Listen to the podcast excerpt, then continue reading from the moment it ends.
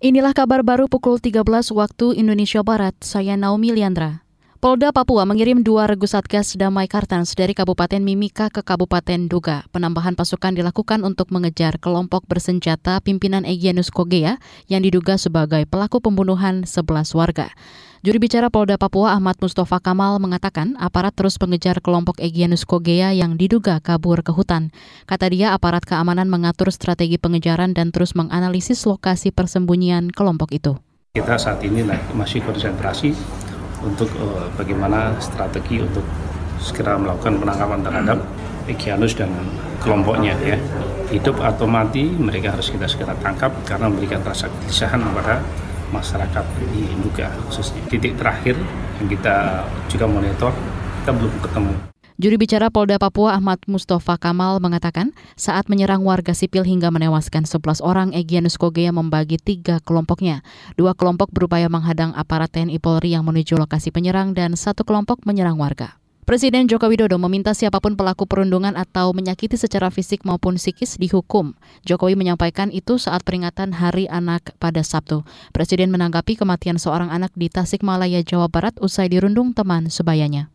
Saya kira semuanya diproses siapa pun. Tidak ada yang namanya kekerasan verbal, nggak ada yang namanya perundungan, nggak ada yang namanya kekerasan fisik, nggak ada yang namanya kekerasan seksual, semuanya. Karena memang aturannya itu tidak diperbolehkan. Dan itu ada pidananya.